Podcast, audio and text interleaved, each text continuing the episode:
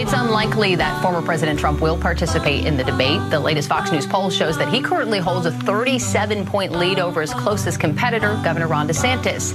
Donald Trump is saying he will not appear in the first Republican debate this week, and in fact, he may not appear in any of the debates during the Republican primary. The latest CBS News poll might help explain why. According to that poll, the former president has a gigantic lead over his challengers. Our survey found 62% of likely primary voters support Donald Trump. Governor Ron. The former president did confirm in a social media post last night he plans to skip the debate and may have some counter programming planned for Wednesday.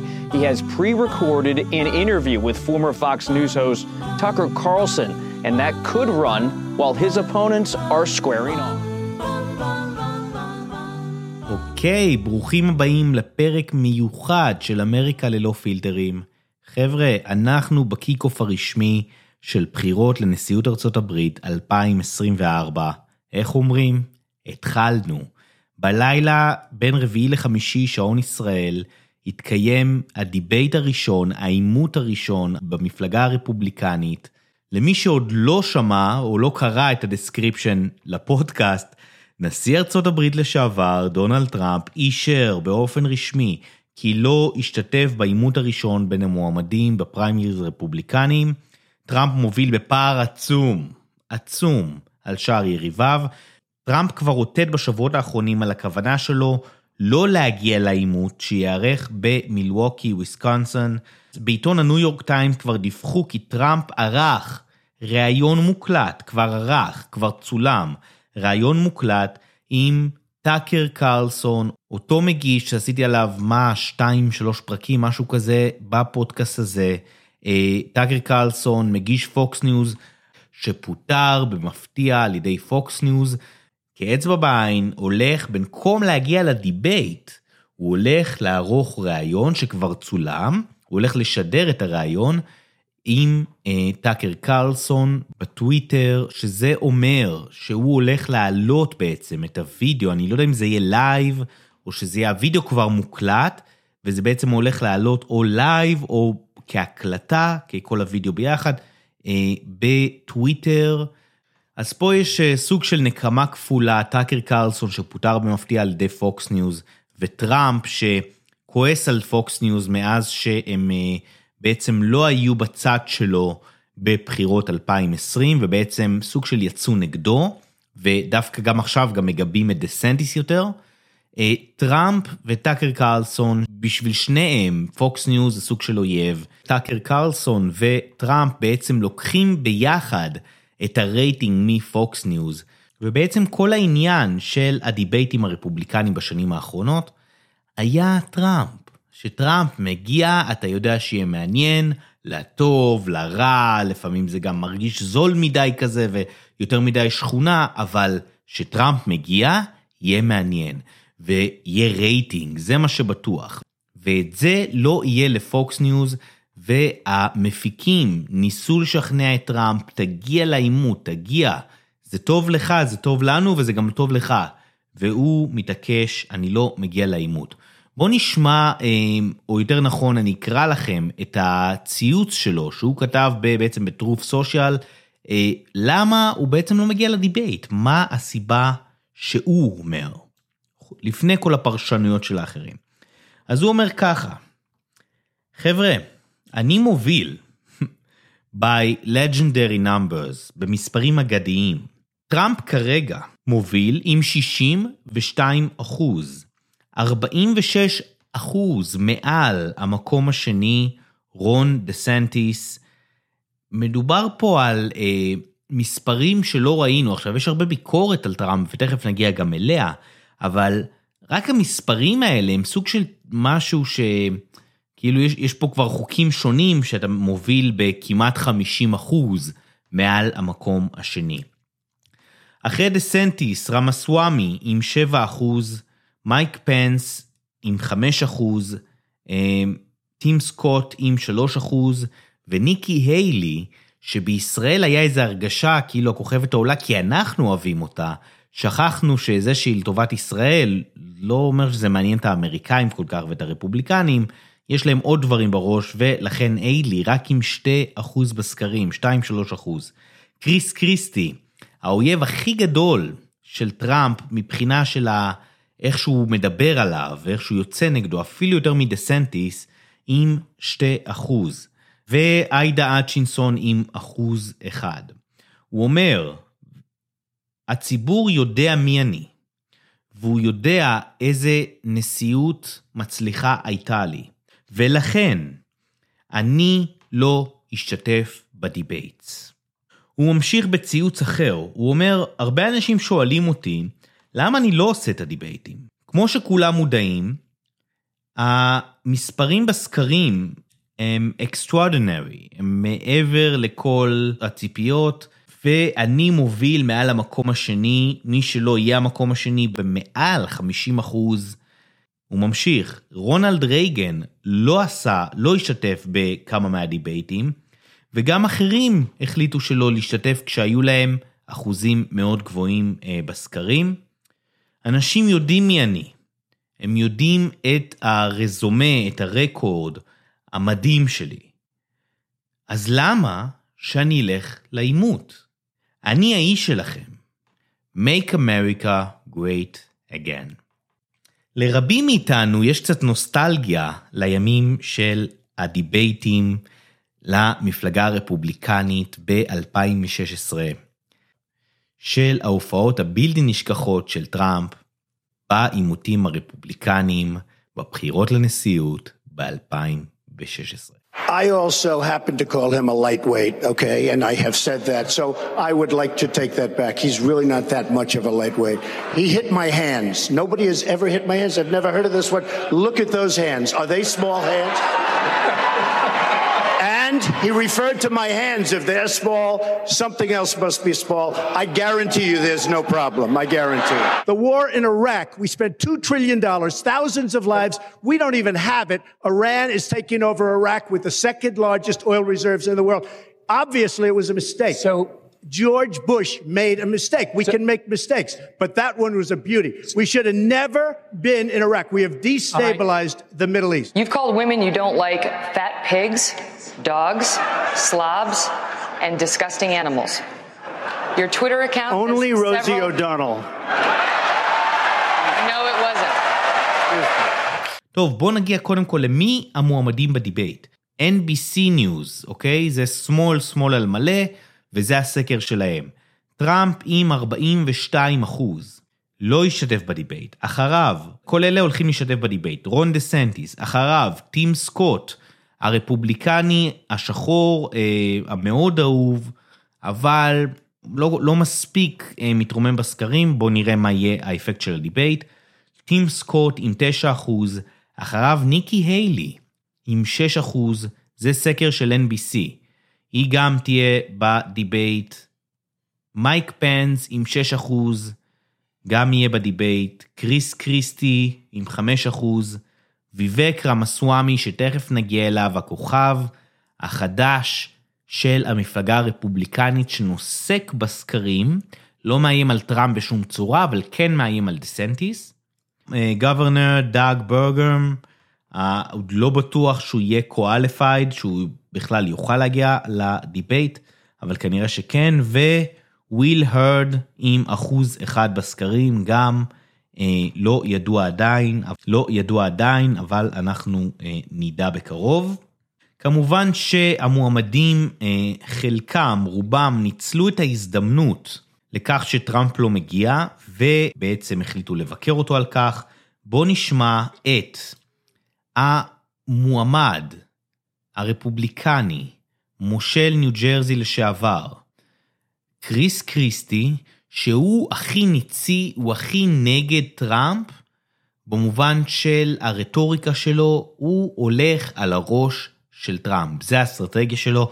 בואו נשמע את התגובה שלו לכך שטראמפ לא השתתף בעימות הרפובליקני הראשון. בואו נשמע. He's afraid of defending his record. And if I had his record, I'd be nervous about showing up too. I mean, let's face it, guys. By Wednesday, he's going to be out on bail in four different jurisdictions. הוא אומר עם הרקורד של טראמפ, שהוא מדבר, הוא מדבר כמובן על הכתבי אישום, גם אני לא הייתי רוצה להופיע. אנחנו, יש לנו נשיא שהשבוע, וזה נכון, הולך להיות משוחרר בערבות. אסיר משוחרר בערבות, לא אסיר, עצור משוחרר בערבות. איך שלא תרצו לקרוא לזה.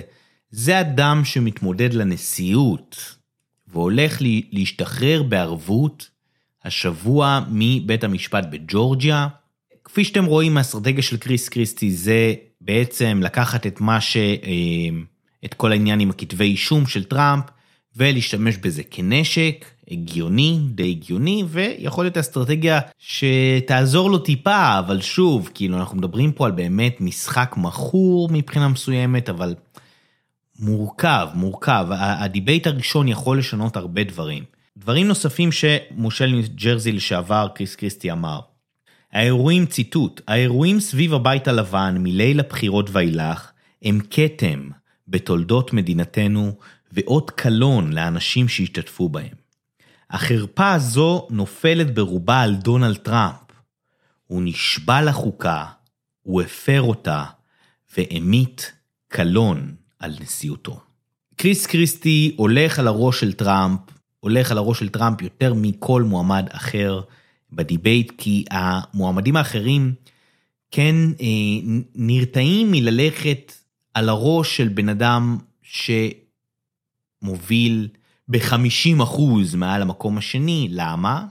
בין היתר, כי טראמפ יצטרך לבחור אה, מועמד אה, לצידו, שיהיה המועמד לסגן נשיא ארצות הברית.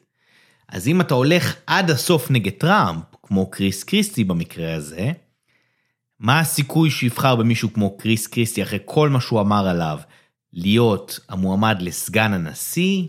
לא הימור טוב, שקריס קריסטי כנראה לא ייבחר, אז המועמדים האחרים שכן רוצים את החלק מהם, רוצים להיות מועמדים לסגן נשיא ארצות הברית ושטראמפ יבחר בהם, להיות לצידו, ולכן הם נזהרים. דה סנטיס גם החליט להגיב כמובן אה, לאי התייצבותו של טראמפ, בוא נשמע. I think you owe it to the people to put out your vision, uh, to talk about your record. טוב, דה סנטיס בעצם אומר, אה, זה תמיד טוב לבוא, להתייצב, לדבר על האג'נדה שלך. אם תשימו לב, הוא נזהר עם טראמפ, הוא נזהר, אין פה אה, עוררין על כך, שתי אפשרויות. או רץ להיות סגן נשיא, או בעצם רץ כדי להכין את הקרקע לבחירות הבאות עוד ארבע שנים, שבהן אם טראמפ יהיה נשיא הוא לא יוכל להתמודד שוב, או אם הוא לא יהיה נשיא קשה להאמין שהוא ירוץ בגיל 80 פלוס עוד פעם, ולכן דה סנטיס מכין את הקרקע. הקמפיין של דה סנטיס נמצא בצרות. הוא אה, הספיק כבר להדיח את מנהלת הקמפיין שלו, ווייבק, רמסוואמי, אה, בעצם עובר אותו כבר בחלק מהסקרים, כלומר דה סנטיס אה, עובר למקום השלישי בסקרים, למקום השלישי.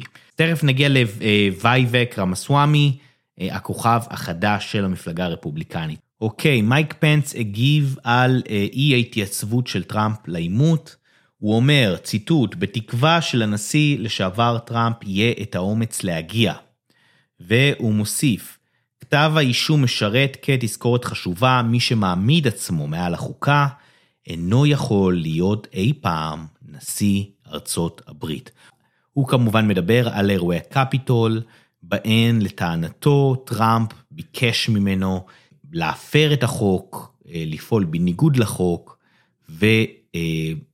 ולנסות למסור לטראמפ את הבחירות. טראמפ אומר, אני רציתי שמייק פנס בעצם יבחן את התוצאות מחדש בגלל שהתוצאות היו מזויפות. וייבק רמסוואמי אה, מגיב, הגיב גם הוא, והוא דווקא מאוד קרוב לעבור את דה סנטיס, והוא בעצם גם המועמד שהכי אה, רך מבחינה של ההתייחסות שלו לטראמפ, הוא בעצם הכי מחבק וחם עם טראמפ, מצד אחד האג'נדה של וייבק מאוד קרובה לאג'נדה של טראמפ, מצד שני, גם יכול להיות שהוא פה מתחבב עליו ומתחבר אליו בגלל שהוא רוצה להיות אה, המועמד לסגן נשיא ארצות הברית של המפלגה הרפובליקנית. בואו נשמע את וייבק רמסוואמי, את תגובתו לכך שטראמפ לא ישתתף בעימות הראשון.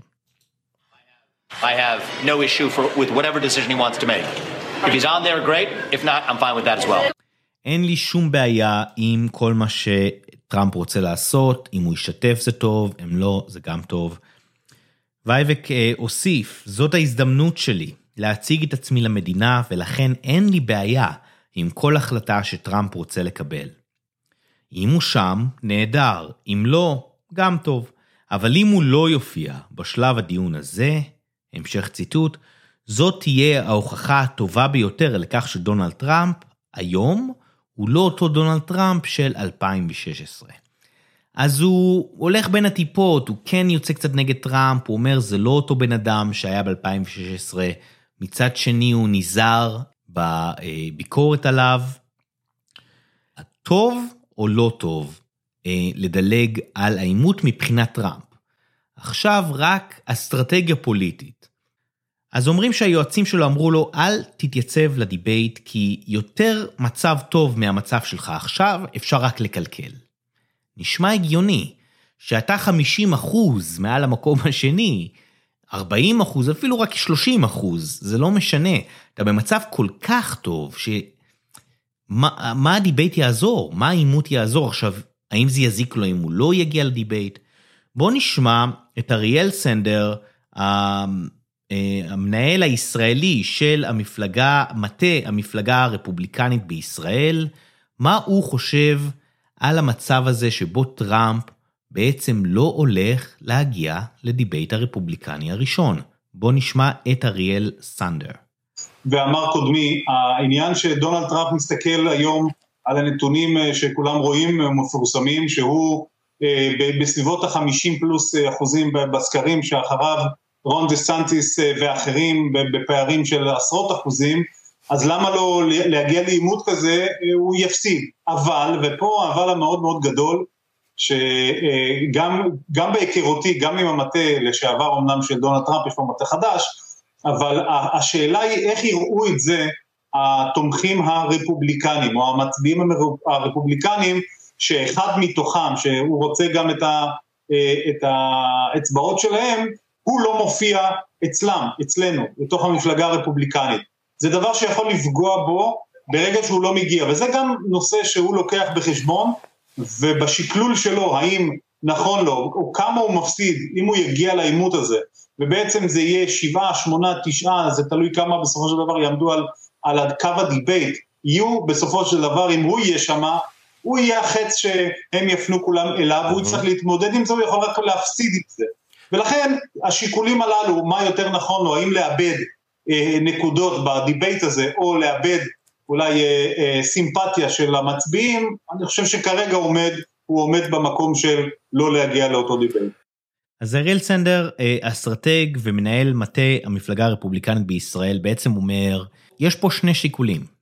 האם להגיע לדיבייט ושיהיה את הסיכון לאבד נקודות אצל הציבור הבוחרים, שהוא במצב כזה טוב, או אם הוא לא יגיע לדיבייט, הסיכון הוא שיהיה פחות סימפתיה מהמצביעים, בגלל ש...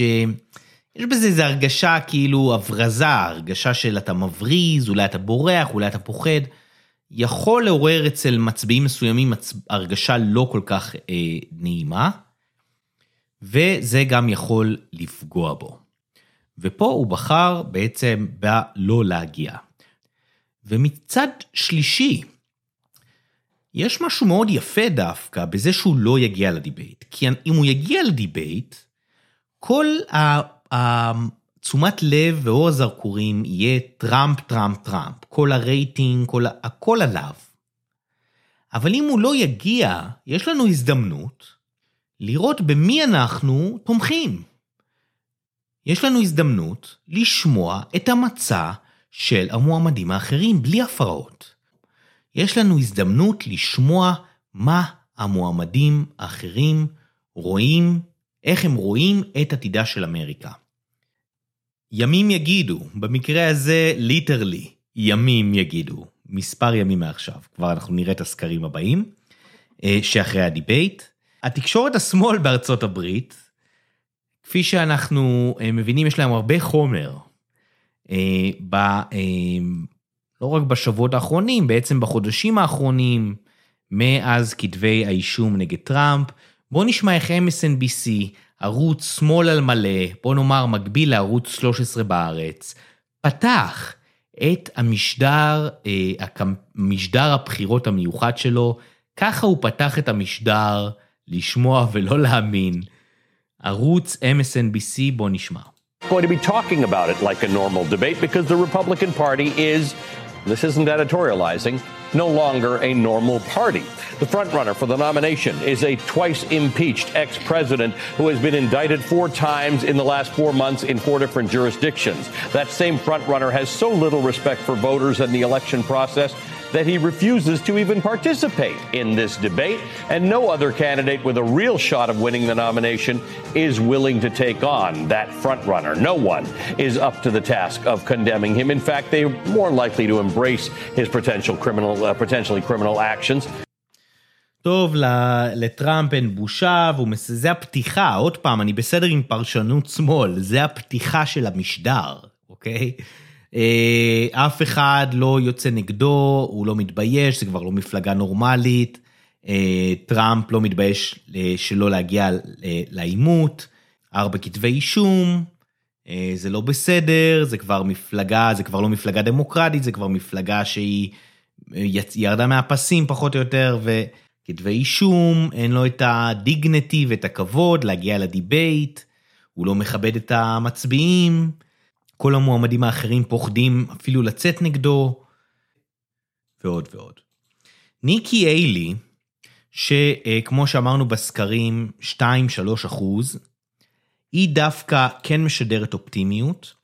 היא אדם שאני לא רואה, אני נותן לה אפס סיכוי אה, לזכות במועמדות המפלגה הרפובליקנית.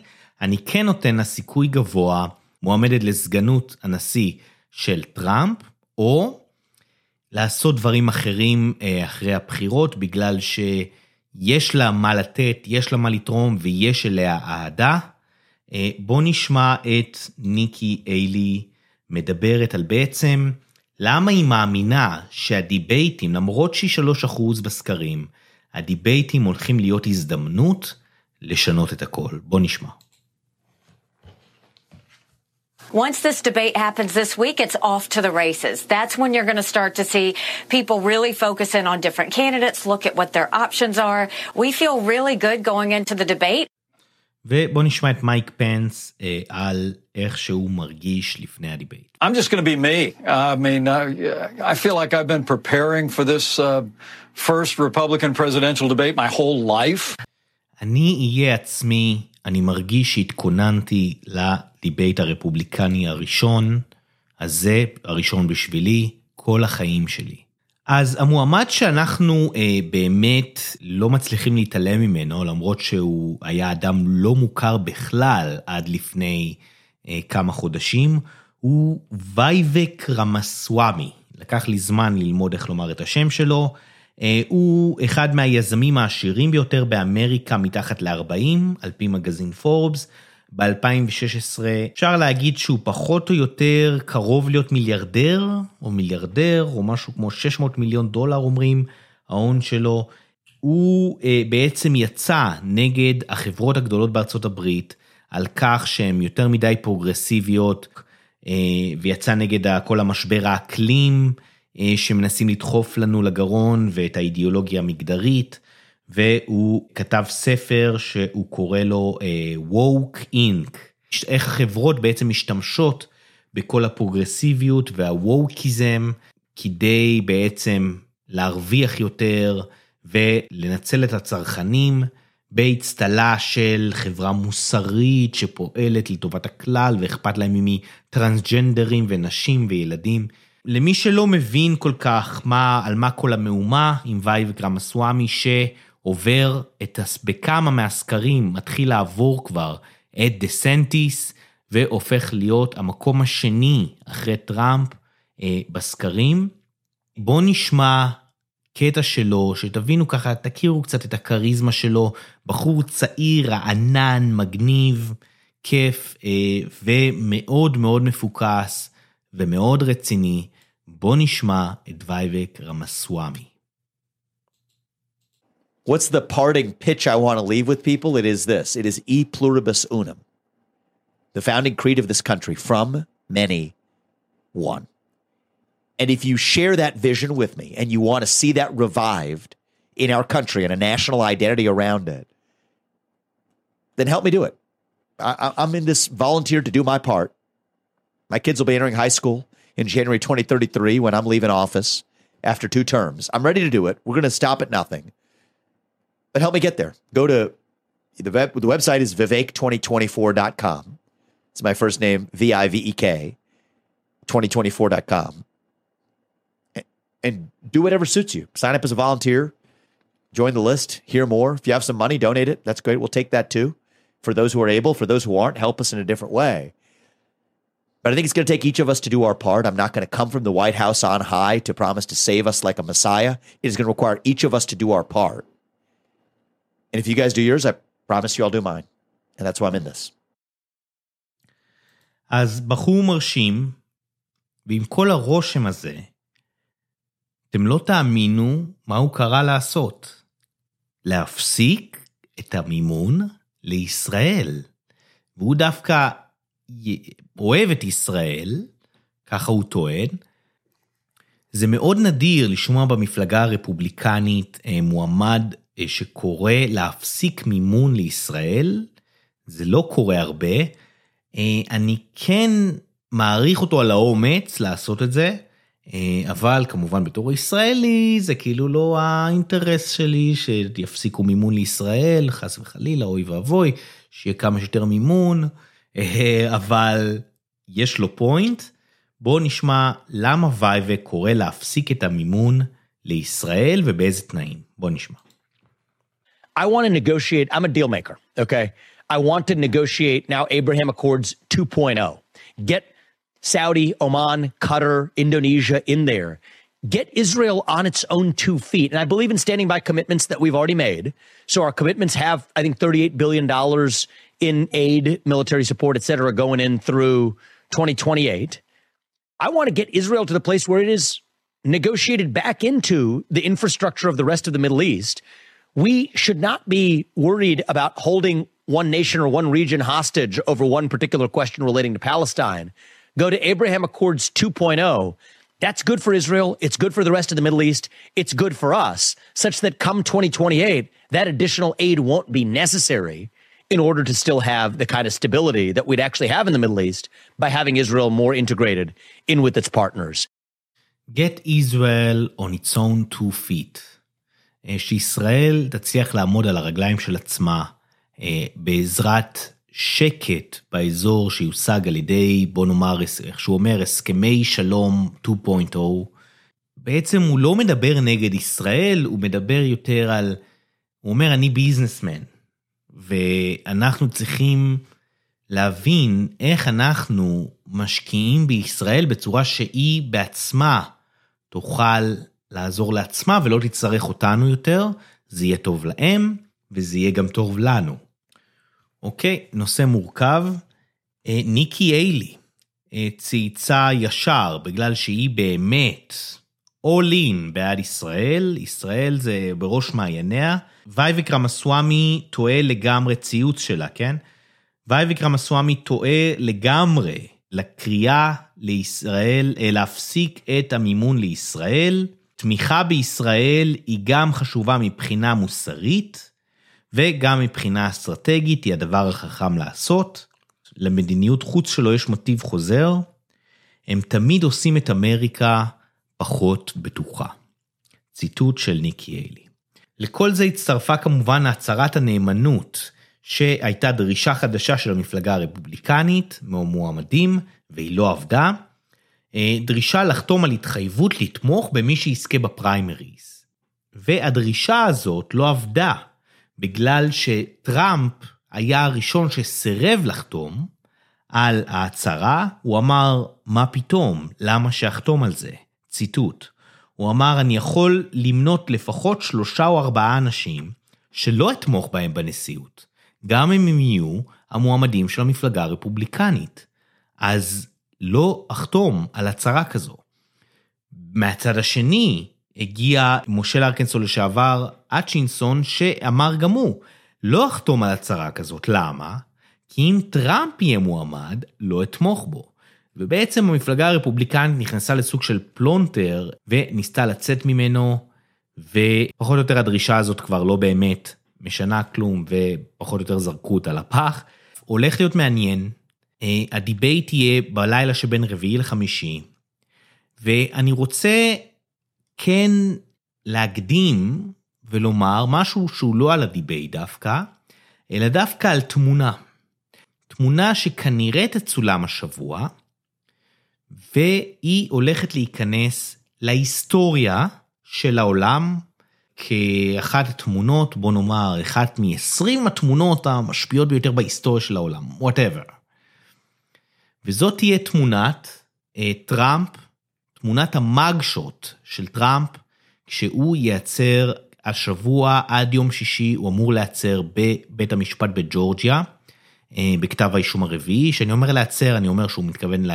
מתכוון שהוא הולך להגיע לשם ובעצם אה, למלא טפסים ולשמוע את ההאשמות נגדו ולצלם תמונת המאגשוט בפעם הראשונה בכתבי האישום, בכתב האישום הרביעי בג'ורג'יה, שכבר דיברנו, מי שהקשיב לפודקאסט הקודם, אה, כתב אישום מאוד בעייתי מבחינת טראמפ, ללא אפשרות חנינה, והוא כחלק מהכתב אישום הזה, הוא הולך להצטלם לתמונת mugshot במדי אסיר כנראה, והתמונה הזאת שלא מדברים עליה כל כך כי יותר מדי עסוקים בדיבייט, בתקשורת האמריקנית וגם בישראלית, אבל התמונה הזאת הולכת להיכנס להיסטוריה, אם תצולם, רוב הסיכויים שהיא כן תצולם. ויש לזה הרבה משמעות, היא תהיה סמל, היא תודפס על חולצות, היא תהיה מבחינת השמאל סמל של טראמפ הנאשם, בפלילים, ומבחינת הימין היא תהיה בעצם סמל של רדיפה פוליטית. אנחנו בפני ימים, שבועות, חודשים, שנה, שנה וחצי של טירוף. והמרוץ מתחיל מבחינה פסיכולוגית לפחות, מתחיל ביום רביעי בערב, שעון ארצות הברית, העימות הרפובליקני הראשון ואני אהיה כאן עם פרק נוסף בפודקאסט מיד אחרי, עם כל הפרשנות על הדיבייט הרפובליקני הראשון. אני תמיר גדליה, אמריקה ללא פילטרים, נתראה אחרי העימות הרפובליקני הראשון. Bum.